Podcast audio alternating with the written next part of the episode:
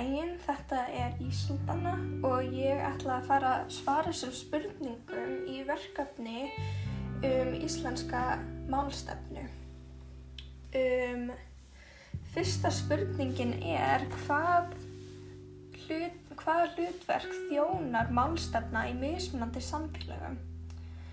Og í bókinni er talað um ofinber málstefnu miðar yfirleitt því með því að styðja og efla ríkismál þjóðar og stuðla þannig að viðgangi þess. Um, setni spurningin er hvenar eignuðust Íslandingar ofinbera málstefnu og Íslandingar eignuðust þessa ofinberu málstefnu í fyrsta sinn hinn 12. mars 2009. Þriðja spurningin er hvað er átt við að íslenska sé einslegt mál? Og íslenska er einslegt mál og það er verið að tala um hvernig það eru ekki margar málískur sem gera það erfitt að skilja mismöndi framburði. Eins og í Þýskalandi til dæmis er, um, það er rosalega skrítið að sjá kannski frá Berlín er eitt konar einhvers konar framburður og kannski einhver staðar annars staðar í Þýskalandi er bara allt annað, þetta er eiginlega allt annað tungumál. Og það er eiginlega bara ekki hérna á Íslandi og ég held að það gæti verið því Ísland er svo lítið land og það eru ekki nóg margir inn á landinu til að þurfa um þessumöndi framburði. Um, fjóraða spurningin er hvað átt við með varðveislu tungunar? Og í þessari bóki tala um hvað er mikilvægt að halda tengslum við rita mál. Og Ísland er eiginlega eina landi uh, sem fólki getur lesið textra frá 12. og 13. öld. Og það er rosalega mikilvægt til að geta lesið þessar góðfræðisögur og líka eins og Snorra Edda og þannig sögur og það kannski að því íslenskan var eiginlega óbreytt fyrir hundra árum og um, það var bara eiginlega því bandasamfélagi það bara breytist eða aldrei neitt eða tungumáli breytist uh, eiginlega ekkert nema bara fyrir 19. öld. Fymta spurningin er hvað er málótti og Í bókinni er talað um að málótti er þegar fólki finnst sig vera óörugt í móðumáli þeirra og það er sérstaklega að tala um hvað ungt fólk hefur miklar áhegjur af málótta að því um, það er svo, það eru svo mikil áhrif á íslensku tungumálið í gegnum uh, Instagram og Snapchat og það sérstaklega bandarísk áhrif. Sjötta spurningin er hvenar er talið að byrjið hafi vera að hafa áhyggjur af íslenskunni? Og það er eiginlega talað um að það hafi verið uh, að við höfum byrjað að hafa svolítið svona áhyggjur af íslensku tungumálinu um síðarskiptinu. Í síðarskiptinu voru lögð á áhersla á að halda henni af erlendum áhrifum og hafa tengslum við málið. Sjötta spurningin er hvað fælst í hugtakinu málrækt? Og í hugtakinu málrækt fælst að auka orðaforðin, auka fjölbreytni í orðalægi og styrkja málkend og, au og auka þannig ferðni okkar í meðferð málsins. Um, áttunda spurningin er, er til réttmál og rántmál og hvernig breytast tungumál frá kynnslóð til kynnslóðar? Um, réttmál mál er talað um að vera málfræðilega rétt um, og rántmál er málfræðilega ránt.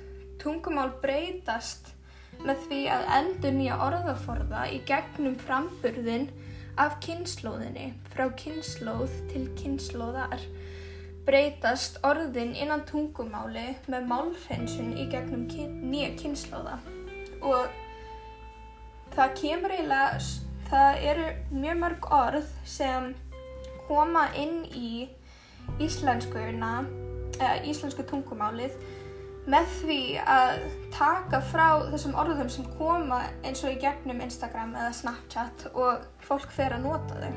Maður sér það bara mjög mikið innan íslensku samfélaginu.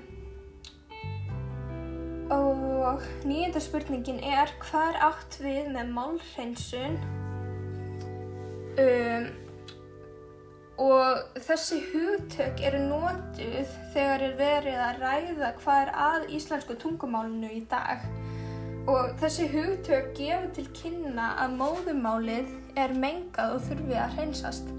Þetta er mjög aðtilsvert að því að, að hugsa um tungumál þannig að, að það þurfi að hreinsast og það þurfi svona að endurnýja sig. Það er bara mjög sérstækt og ég hef eiginlega aldrei hugsað um það þannig. Um, tíundarspurningin er hvern, hvernig hefur íslenskan þróast og bætt við sig í orðum og í hvaða fjóra flokka er nýjum orðum í íslensku skipt. Og Íslands samfélag hafði litla þörfa breytingum í orðaforða að því að bændasamfélagi voru tiltölega óbreytt alveg fram yfir 1900 og ný orð innan íslenskum. Orðaforða eru skipt í fjóra flokka. Nýrði sem eru algjörlega ný orð, töku orð sem eru tekin úr öðru máli, nýmerking þegar eitt gamalt orð sem hefur dottið út af tungumálinu er endur nýjað inn í tungumálið aftur. Og tökuþýðing sem er þegar er tekið orð út úr öðru tungumál og búið til nýtt orð með beinni þýðingu til dæmis úr latnensku. Ellefta spurning er hvernig stóð af því að menn óttuðust að íslenskan myndi degja út á 19. öld og hvaða tungumál uh, var það sem ógnaði íslenskunni þá.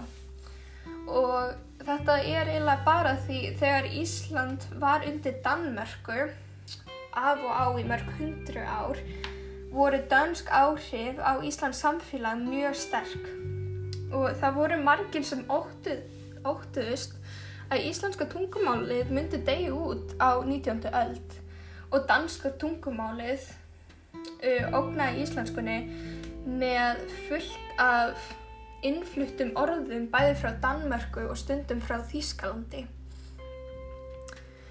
Um, tólta spurningin er er íslenskunni í ykkur hættu í dag?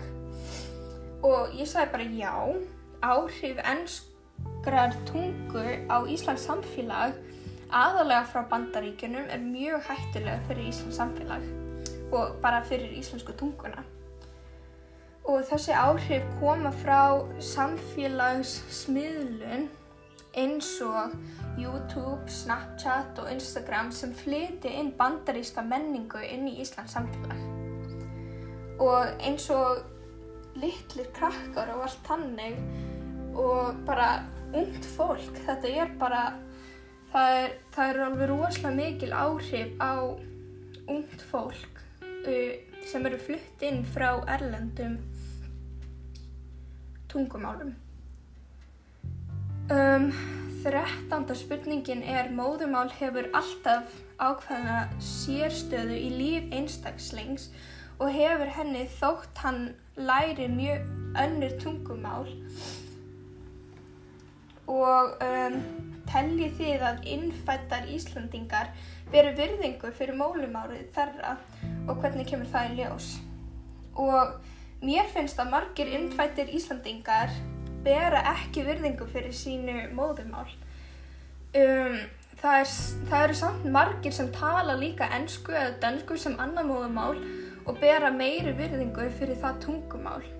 Þessi hugmynd kemur í ljós í gegnum áhrif frá öðrum löndum og hvernig uh, við sjáum þessi áhrif. Og seinasta spurningin, fjórtanda spurningin er á Íslandi er haldin hátíðalegur dagur íslenskra tungur í november en alþjóðlegur dagur móðurmálsins í februar og hvaða tilgangi þjónar þessi dagur í ykkar mati. Og þegar ég talað um dag íslenskra tungur er verið að tala um íslenska tungumál uh, og þau sem tala íslensku og þetta er sérstaklega fyrir íslenskuna og uh, alþjóðalegur dagur móðumálsins er að tala um bara fleiri móðumál, bara öll móðumál. Um, íslenska tungudagur eða dagur íslenskara tungur er rosalega mikilvægt að halda upp á því það getur líka tryggt að íslenska deyr ekki út. Um, og þá er ég bara búin með þetta verkefni og mér fannst ég læriði alveg rosalega mikið en mér finnst stundum frekar óþægilegt að þurfa að gera svona podcast en ég held að ég gerði þetta bara ágætlega vel. Takk fyrir og sjáumst þá á þriðjúdægin.